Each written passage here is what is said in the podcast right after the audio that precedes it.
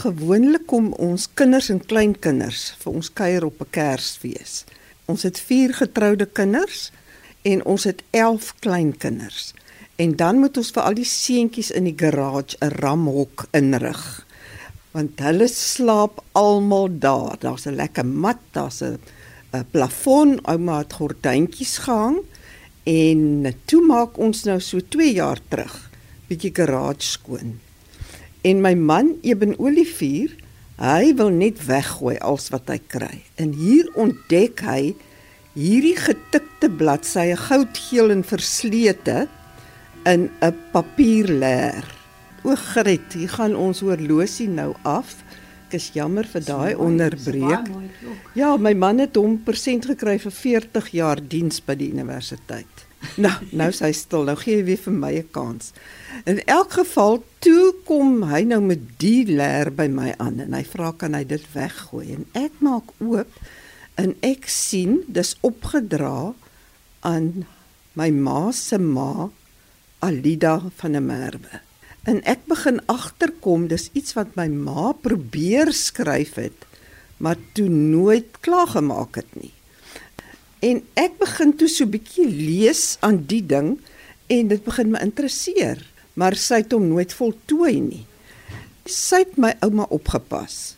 My ouma was 'n invalide, sy was bedlyend. Sy het kanker na kakebeen gekry. En dit was vreeslik traumaties want hulle het haar kakebeen verwyder. Toe sy so seluliet maskertjie gedra en sy kon met met die gevolg nie meer praat of eet nie. So sy het so 'n klein draad notaboekie gehad. En daarin as sy daaraan gedink het, het sy sulke insidente van haar jong meisie dae in die oorlog neergeskryf. Die Anglo-Boereoorlog. Sy was toe 'n jong meisie op 'n plaas in die distrik van Noupoort. Appa is toe gevange geneem in die oorlog en sy was die oudste dogter en sy moes half die fort hou op die plaas. En al haar wedervarings was vir my so interessant, maar nou was die ding nie klaar gemaak nie. Daar was bladsye weg en daar was dele in my ma se eie handskrif en ek het nie mooi geweet waar pas dit in nie. Ons praat met Tella Olivier, emeritus uh, professor in opvoedkunde aan die Nelson Mandela Universiteit. En ons gesels oor stowwerige trommels in die garage wat deur 3 generasies loop. Ek dink my ma het hierdie droom gehad om die interessante stories wat my ouma opgediep het uit haar ervarings wat sy nou in hierdie notaboekie raak lees saam te flans as 'n storie en ek vermoed sy dit nooit kon afhandel nie en toe sê ek vir Eben man miskien moet ek dit nou opneem ter wille van my ma wat nou nie haar droom verwesenlik het nie my ma was Elise Smit boervrou in die distrik Hofmeyer. Sy het daar groot geword want my oupa, haar pa, was die predikant op die dorp. Sy het haarself op Stellenbosch gaan bekwam as 'n musiekonderwyseres, maar toe uiteindelik getrou en 'n boervrou geword. En weet jy, sy het van die plaaslewe absoluut 'n roeping gemaak. Sy het altyd gesê sy's my pa se vernoot. En ek dink as sy net die geleentheid gehad het wat ek vandag gehad het, dan kon sy dit klaar gemaak het. En ter wille van haar wou ek dit so graag vir haar doen. Dit het my baie lank geneem. Ek het nie geweet waarvoor ek my inlaat nie. Ek as ek moet eerlik wees, het ek ook nie gedink dit gaan gebeur nie. so ek is self verskriklik dankbaar dat ek dit kon doen vir haar. Ons praat nou van die boek Alida vertel jou ouma Alida en jy Stella Olivier, jy dra een van haar name. Ja. En die dae toe ek gebore is, het jy jou ouma se naam gekry, jou ma se ma. Ek was die oudste dogter en ouma was Martha Alida Jacoba. So ek is regtig daai drie name gedoop. Dit het my nogal deur die jare swaar laat dra. Want party het my Martha genoem ander het my majoor genoem van die MA ja MAJ Maar my ouers het toe besluit hulle sal dit saamflans en vir my Matilda noem uit die Martha Alida. Maar natuurlik was dit vir almal te lank. En kort voor lank het dit te lag geword. So niemand ken 'n Matilda nie en nog minder 'n Martha Alida Jacoba. Maar ek is 'n trotse draer van haar naam en ek het nog 'n niggie, Marika, wat ook die naam dra.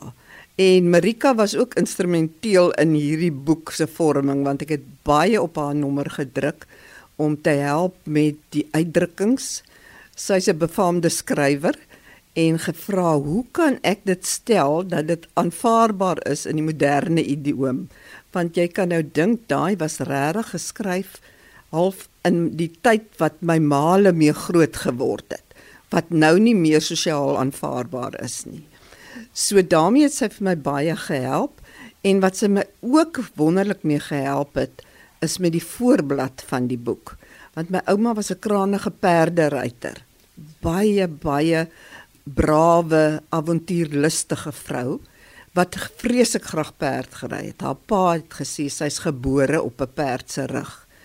In elk geval toe het Marika vir my die voorblad geteken. En interessant genoeg sy toe uit my ma se handskrif die titel en die skrywer Elise Smit in my ma se eie handskrif gedoen. En as ek nou na die boek kyk en ek sien Elise Smit, dan sien ek hoe my ma haar naam skryf. Dit is presies hoe sy geskryf het. Dis baie interessant om so daarna te luister. Um Tilla Olivier Emeritus Professor aan die Nelson Mandela Universiteit dat soveel vroue kon saam staan, maar die hele tyd wat jy nou so gesellig praat oor jou familie, die sterk vroue in die familie en so talentvol.